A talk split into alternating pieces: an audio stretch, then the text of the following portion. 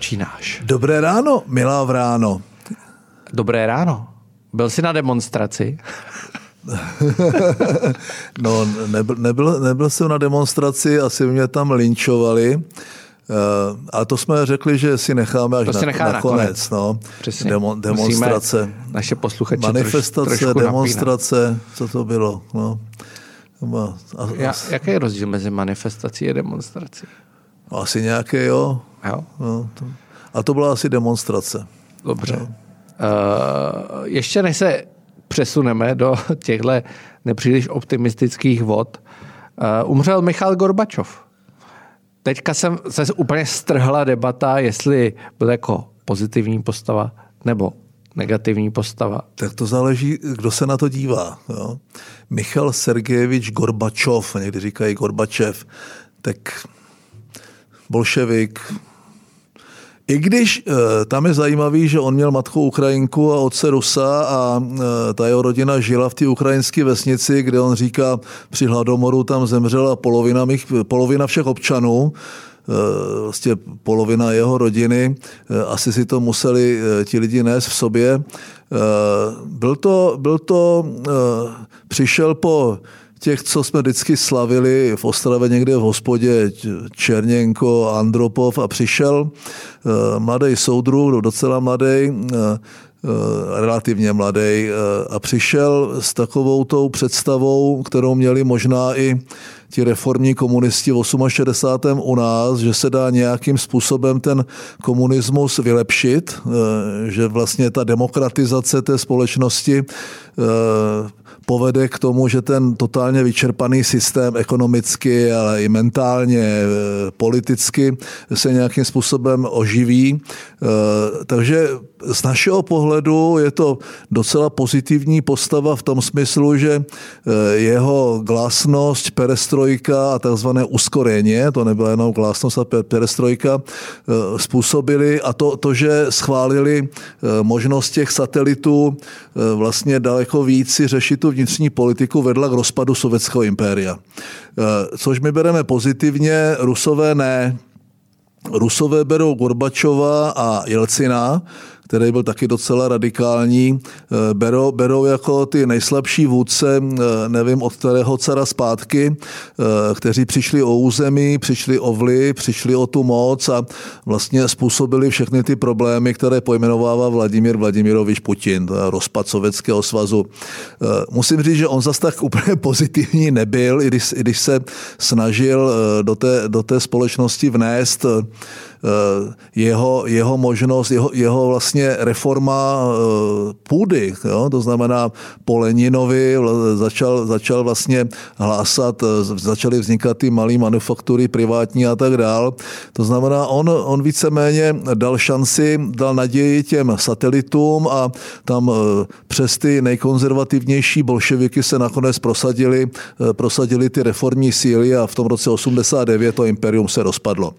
Úplně pozitivní roli nesehrál při rozpadu toho sovětského svazu samotného, protože tehdy ty tanky a ty speciální jednotky, ti omoni, Lotyšsko, Litva, Kazachstán, Gruzie, ale taky, taky samozřejmě třeba eh, Azerbajdžán mě vykládal Ilham Aliyev, jak jeho táta Hejdar Aliyev, tehdy šéf ústředního výboru komunistické strany Azerbajdžánu, odhodil tu stranickou legitimaci a, a jel domů a vlastně vznikaly ty jednotlivé státy eh, v rámci těch jednotlivých svazových republik. Eh, to znamená, eh, ještě bylo to potlačení v roce 90 podepsali, eh, podepsali eh, s českou, s českou vládou nebo československou tehdy vládou eh, a bylo to i Havel vlastně odchod ruských sovětských vojáků a Pozitivní je, že on tedy nařídil nezasahovat do takzvané sametové revoluce. Dokonce ten Vorobjov, eh,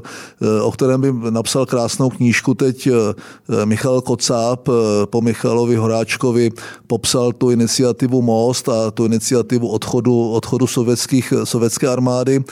Dokonce měli jak, jakýsi pokyn bránit československé armádě v potlačování jakoby těch případných změn, což bylo ve skrze pozitivní, ono to bylo tedy absolutně na hraně, to vůbec není tak, že to proběhlo sametově, mírově, ty konzervy, bolševické konzervy a nebylo jich tak málo, chtěli až do poslední chvíle to, to potlačit celý, docela krvavě. To znamená pro nás jako pozitivní, dostal Nobelovu cenu míru, kámošil se s Tečrovou, Kolem, Reaganem, eh, byl u vlastně v Reykjavíku té smlouvy o omezení eh, raket středního doletu, myslím. Eh, to znamená, Nakonec to docela víc. kontroverzní postava v tom smyslu, jak je vnímán v Rusku. Vlastně ten jeho život po odchodu v tom roce 91 On vstoupil do nějaký ty ruské sociální demokracie a orientoval se tímhle směrem. Eh, docela, ten pohřeb je jakoby příznačný, jo? nepřišel na ně nikdo, jenom Viktor Orbán, nepřišel tam ani Putin. On sam, samotný bral Putina jako niči, říkal, že mu ničitel odkaz, jeho, zničil mu odkaz, odkaz, ničitel jeho odkazu. Eh, Putin na ten pohřeb nepřišel, což je docela jako příznačné. Eh, možná má strach někde výjít, ale spíš to bylo to jakási de, demonstrace, to demonstrace, demonstrace toho, toho, té osobní nevraživosti, protože Putin vlastně po svém nástupu to všechno, co to uvolnění, které přinesl Gorbačov, eh, tak vlastně eh, tomu ruskému lidu vysvětlil, že to je všechno špatně a vrátili jim tu znovu tu touhu po té velikosti, po té moci, po tom území, to, co každý car v podstatě v Rusku eh, slíbil a když to udělal, tak byl potom veleben Brežněv, teda Brežněv. Brežněv. to je to, freudovský předek. To, to by nebylo hezké Gorbačov, Gorbačov, Gorbačov, musíme to brát tak, že, že to byl reformní komunista, který nikdy ani na vteřinu neuvažoval, neuvažoval eh, o tom, že by, že by ten režim se změnil jakoby z principu. Eh, to, i když vlastně vyvolal i ty, i ty svobodnější volby, plédoval pro to, aby bylo víc kandidátů na jeden post a tak dál. No nebývalé věci, no a fakticky krátkodobě minimálně umožnil v té, to otevřené okno té příležitosti způsobilo to, že současně společně s tím ekonomickým problémem, tou implozí ekonomickou celého toho, celého toho RVHP, tak vlastně umožnil vyvázat se vlastně z toho impéria a teď vlastně bojujeme o to, abychom se tam nevrátili, protože ta situace je jako nemlich ta sama, jako, jako bývala mám, dřív. Mám s ním zpětou jednu dětskou vzpomínku, eh, kdy na Mělnickém parku Aušperk v našem pionýrském oddíle naše vedoucí oddílu, soudružka vedoucí, nevím, jak se říká, rozstříhala, nastříhala fotografie Michaila Gorbačova poschovávala je v Mělnickém parku Aušperk a pak jsme soutěžili, kdo jich najde víc. A já jsem vyhrál tehdy. Ty jsi našel tu skvrnu. A já jsem našel I na slunci, i na slunci jsou skvrny, že jo? A uh, tehdy jsem našel nejvíc a získal jsem odznak bystrosti prvního stupně, který jsem si připnul hrdě na svoji pionýrskou modrou košili. A do dneška tak mám my, tu košili. My, my s tím, jsme lovili bobříky. No. s tím znakem, takže já no. jsem lovil Michaela Gorbačova a ulovil a zvítězil. Uh, každý... Hele, tak měl, měl 90 Byl to jeden let, z bystřejších jako, soudruhů. Takhle, uh, Můžeme, můžeme, když se vždycky, jak jsou ty knihy, kdo vlastně způsobil pád komunismu, je krásná kniha 3P, President Prime Minister Pope a je tím myšlen, myšlen samozřejmě Reagan, Tečerová a Jan Pavel II., tak bychom k tomu mohli takhle pod čarou přidat toho Michala Gorbačova, který tomu pomohl jakoby zevnitř. No. Tak, aspoň něco. Byl tady, a bavili jsme se o tom už minulý to show, byl tady Olaf Scholz, německý kancléř.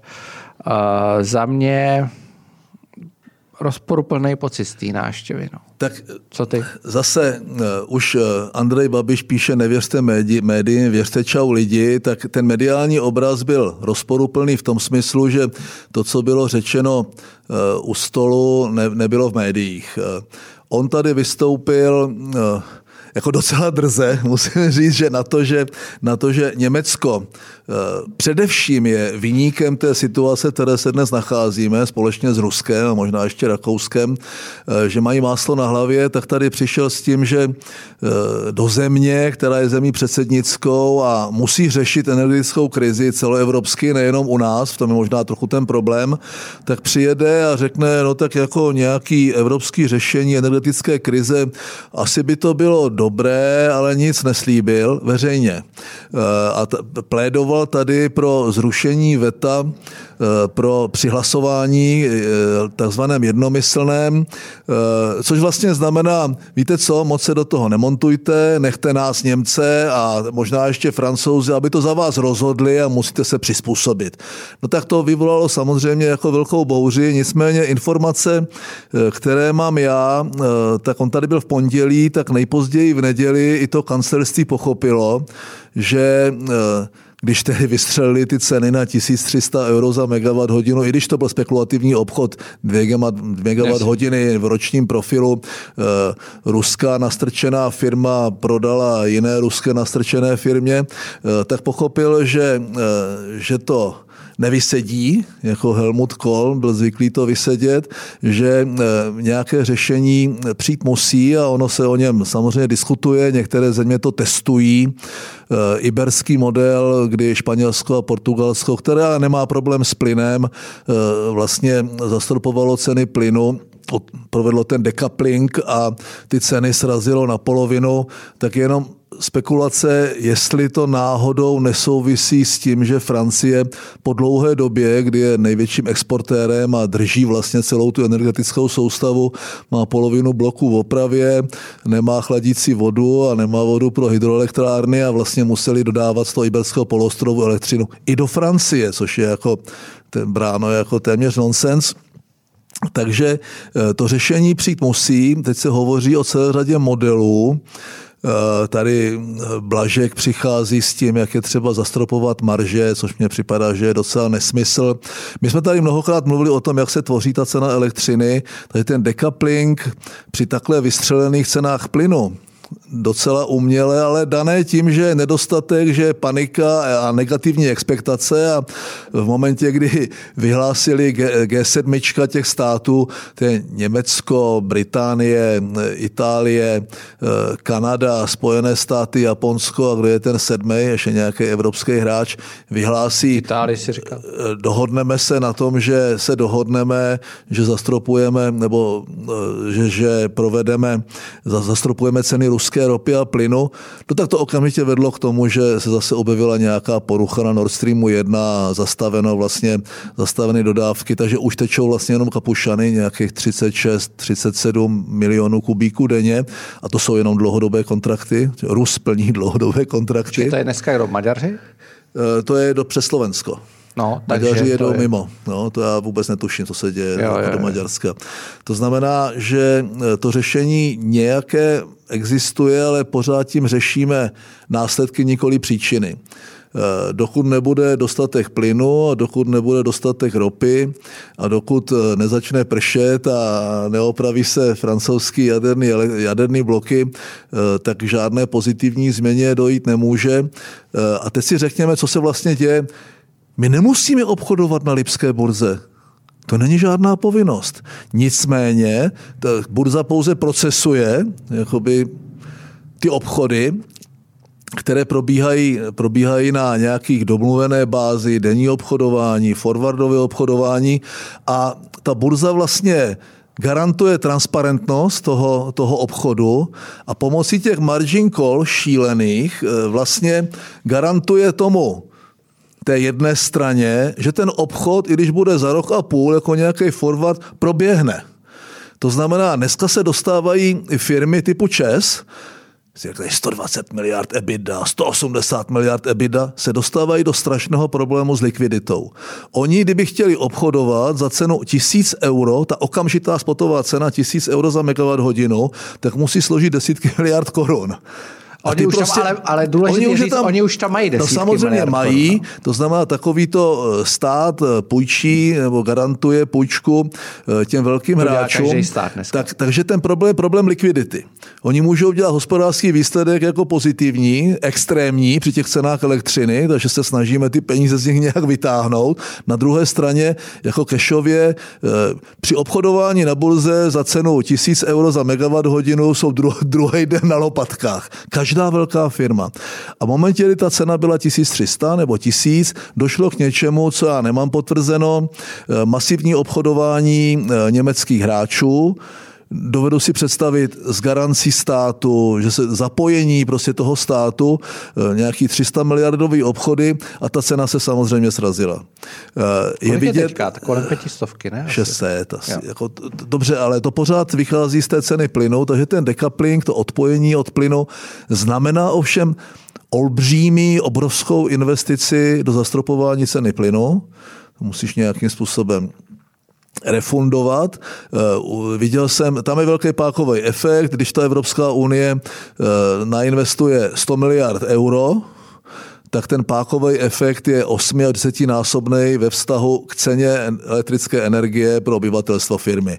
Eh, Takže by se možná, stalo co? Asi. Takže by se stalo co? Takže by se stalo co, že ta cena elektřiny by klesla. A, myslí, a ta cena za... plynu byla zastropovaná, nicméně za, za cenu šílených nákladů.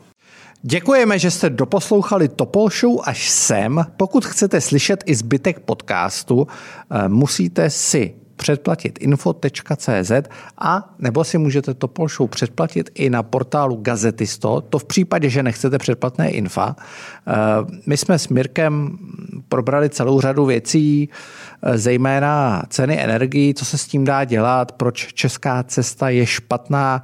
Podívali jsme se na tu často skloňovanou demonstraci na Václavském náměstí. Eh, vyhodnotili jsme jednotlivé politické hráče. Možná to šlo i na nějaká slova naděje, samozřejmě záleží, jak si to každý z vás přebere. My vám rozhodně děkujeme, že nás posloucháte a vydržte s námi.